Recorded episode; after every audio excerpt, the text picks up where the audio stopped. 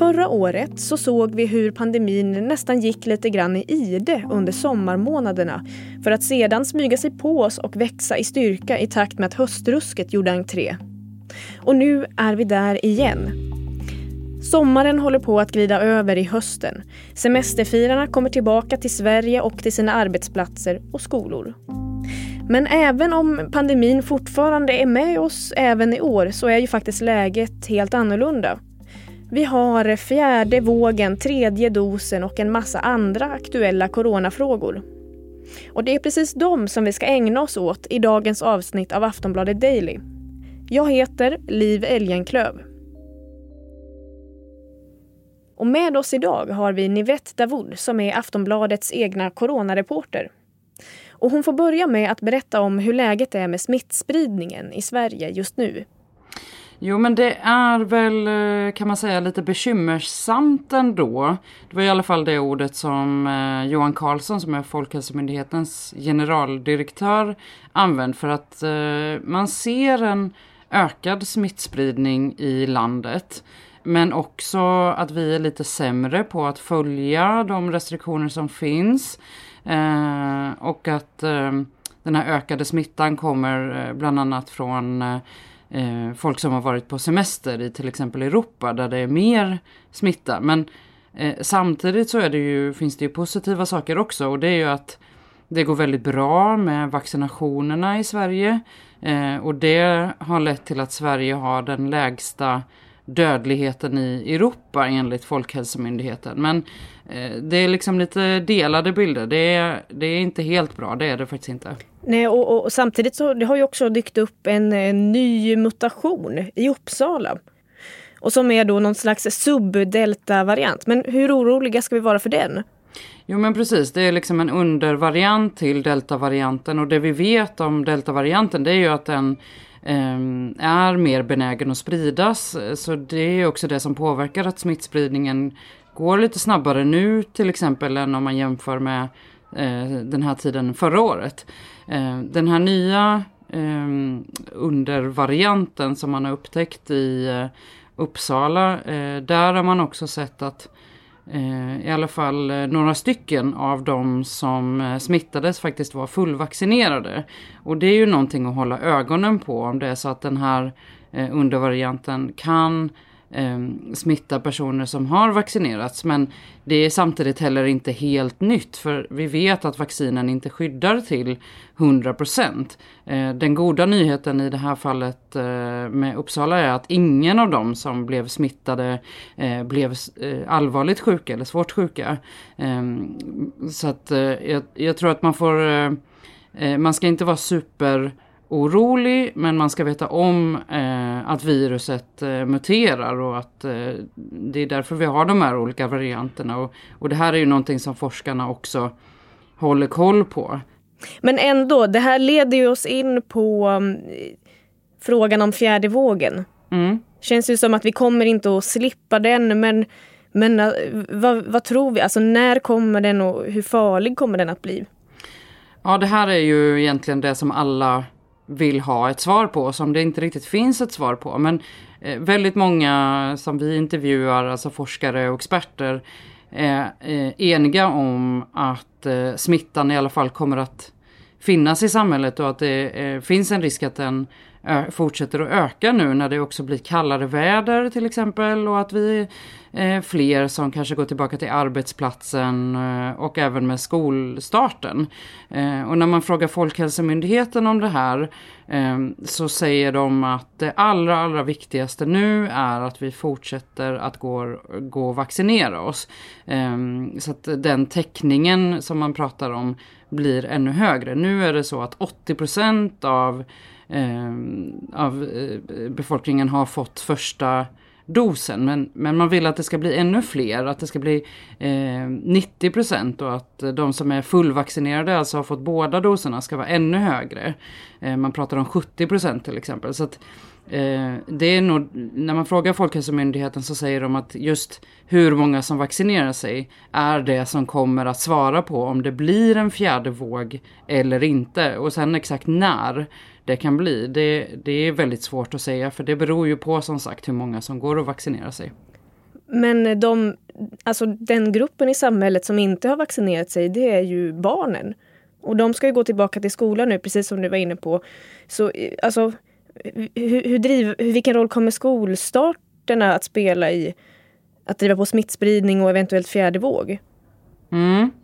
Eh, den gruppen som man ser som sprider smitta mest, eller de som blir smittade allra mest nu, det är faktiskt inte barnen utan det är kan man säga unga vuxna. Och det är ju de som har vaccinerats eh, senast. Så att många av dem har kanske ännu inte vaccinerat sig. De kanske har eh, väntat till efter semestern eller att de bara har tagit eh, en dos och alltså inte är fullvaccinerade. Sen så eh, det här med skolstarten, ja det är ju också en sån där grej som, som många lite håller andan inför. Och det kan man säga, det märks både i våran coronachatt men det märks också när MSB gör de här undersökningarna om vad människor tycker och tänker kring pandemin och sina förhållningssätt. Att eh, det finns en oro för hösten just och att smittan ska öka eftersom vi såg att det skedde förra hösten. Och man, titt- man kan också se att eh, i regionerna till exempel så finns det smittskyddsläkare som säger att ja, vi väntar oss att, att smittan faktiskt kan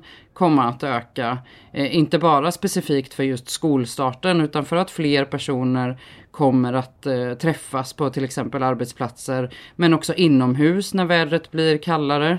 Eh, och också att eh, viruset trivs bättre i kallare väder. Så det, det är liksom flera parametrar här. Sen så är det ju så att det är inte som att vi står helt handfallna eh, och vi är absolut inte i samma läge som förra hösten för nu har vi ju eh, dels ett vaccin eh, som fler och fler tar och dels att eh, regionerna och sjukvården är bättre förberedda.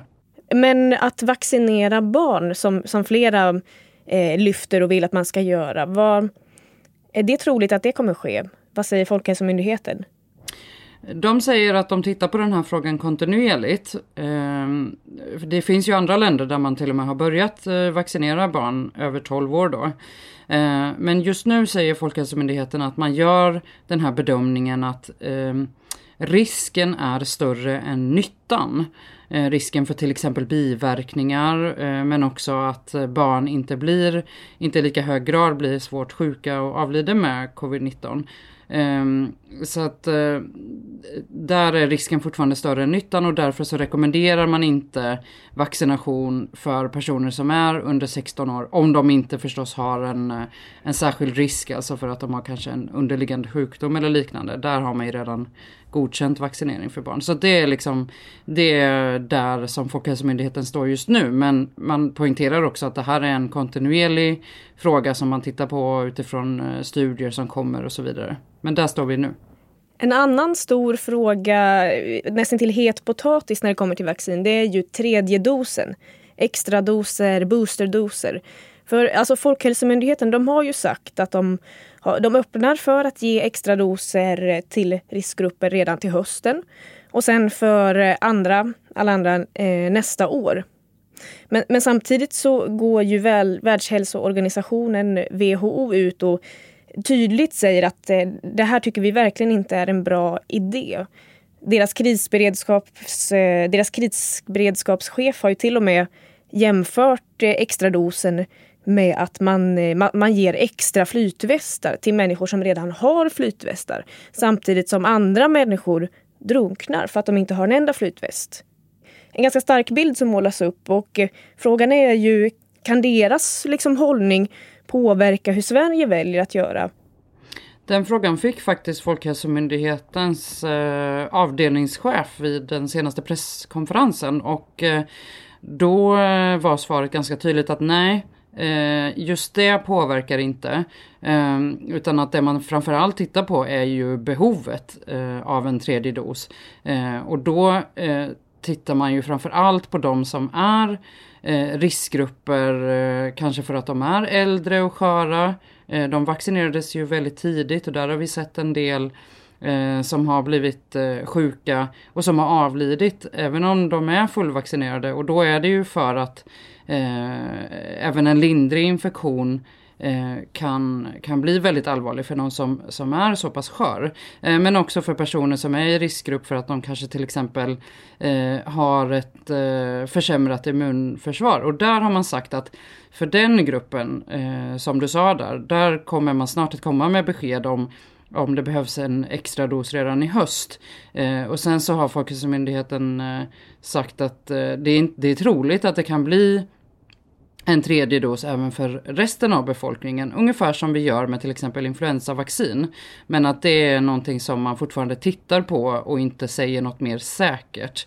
Eh, och om det blir aktuellt så är det nog först nästa år. Ehm, så att, eh, och den här gruppen av eh, alltså riskgrupper som i så fall skulle kunna få extra doser till hösten. Eh, den gruppen är så pass liten så att det påverkar inte den globala tillgången till vaccin var det beskedet som vi fick igår. När vi tittar mot hösten nu då, ni vet, hur ska vi... Vad tror du, hur, hur troligt är det att vi kommer att få se mycket mera skärpta restriktioner? Det där är en uh, ganska så svår fråga för att, uh, eller i alla fall när vi ställer den till Folkhälsomyndigheten så säger de ju att det här beror ju på uh, om vaccinationsstrategin fortsätter att vara så framgångsrik som den är i Sverige. ja, då kanske man inte behöver införa skärpta restriktioner. Eh, och sen åt andra hållet, ja när kan vi lätta på dem? Det är ju liksom stegvis restriktioner som avvecklas enligt en plan. Eh, och då är frågan när nästa steg kan tas. Man har sagt september. Eh, och, och, nu växer ju frågan om det kommer att vara möjligt när vi samtidigt ser en ökad smittspridning. Och där är Folkhälsomyndighetens svar inte tydligare än att vi måste se hur det går med vaccinationskampanjen. Om fler vaccinerar sig och smittoläget eh, minskar och framförallt belastningen på vården eh, ligger lugnt så att säga. Ja, då är det mycket möjligt att vi kan fullfölja den planen för avveckling av restriktioner. Det som eh, vi vet eh, just idag är att det inte finns några besked om varken eh, nya restriktioner eller lyfta restriktioner så att det står still kan man säga. Okej. Okay. Men eh, hur, eh, hur ser det ut ute i världen då? Med smittspridning, med nya restriktioner, vad vet vi? Ja, ehm, man har ju sett en ökning också globalt eh, av smittofallen den senaste tiden. Och den ökningen ser ut att ha planat ut. Och då innebär ju det, eftersom det är väldigt många länder i världen, att i vissa länder så ökade och i vissa länder så minskade. Eh, men att eh, man då sammanfattningsvis eh, hamnar på en platå kan man säga. Ehm, och ehm, Detsamma gäller faktiskt för EU och där är det ganska stora skillnader. I Spanien och Frankrike till exempel så är det hög smittspridning medan det i nordiska länderna är lägre smittspridning även om det skiljer sig åt ganska mycket regionalt även här i Norden. Eh, och eh, det är ju också därför som till exempel Folkhälsomyndigheten har den här rekommendationen om att man ska testa sig eh, när man har kommit hem från en utlandsresa eh, utanför eh, Norden. Eh, och faktiskt för vissa länder så rekommenderas det ju också att man ska stanna hemma eh, när man har kommit från de länderna och isolera sig eh, medan man eh, testar sig. Eh, men så eh, finns det som du nämnde också en del länder som faktiskt har infört eh, restriktioner. Eh, Nya Zeeland som hade varit virusfritt i ganska lång tid gjorde en blixtnedstängning efter att man hade fått in eh, delta-varianten och, och, ser nu ett, eh, ja, ett litet utbrott kan man säga. Eh, så där eh, har man dragit åt svångremmen en del. Eh, Israel, ett land där eh, väldigt många, eh, alltså majoriteten av befolkningen är vaccinerad. Eh, där ser man att smittan sprider sig och eh, har infört eh, krav på sådana här eh, vaccinationsintyg på väldigt många platser. Eh, det, som är, det som man kan säga som ändå är lite positivt där är ju att de allvarliga fallen är väldigt mycket färre än i vintras till exempel och det tror man ju då beror på eh, att personerna faktiskt är vaccinerade. Det säger Nivette Davoud, Aftonbladets egna coronareporter du har lyssnat på Aftonbladet Daily och jag heter Liv Elgenklöv. Och mer från Nivette och allra senaste nytt om coronaviruset det hittar du på vår sajt aftonbladet.se. Så hörs vi snart igen. Du har lyssnat på en podcast från Aftonbladet. Ansvarig utgivare är Lena K Samuelsson.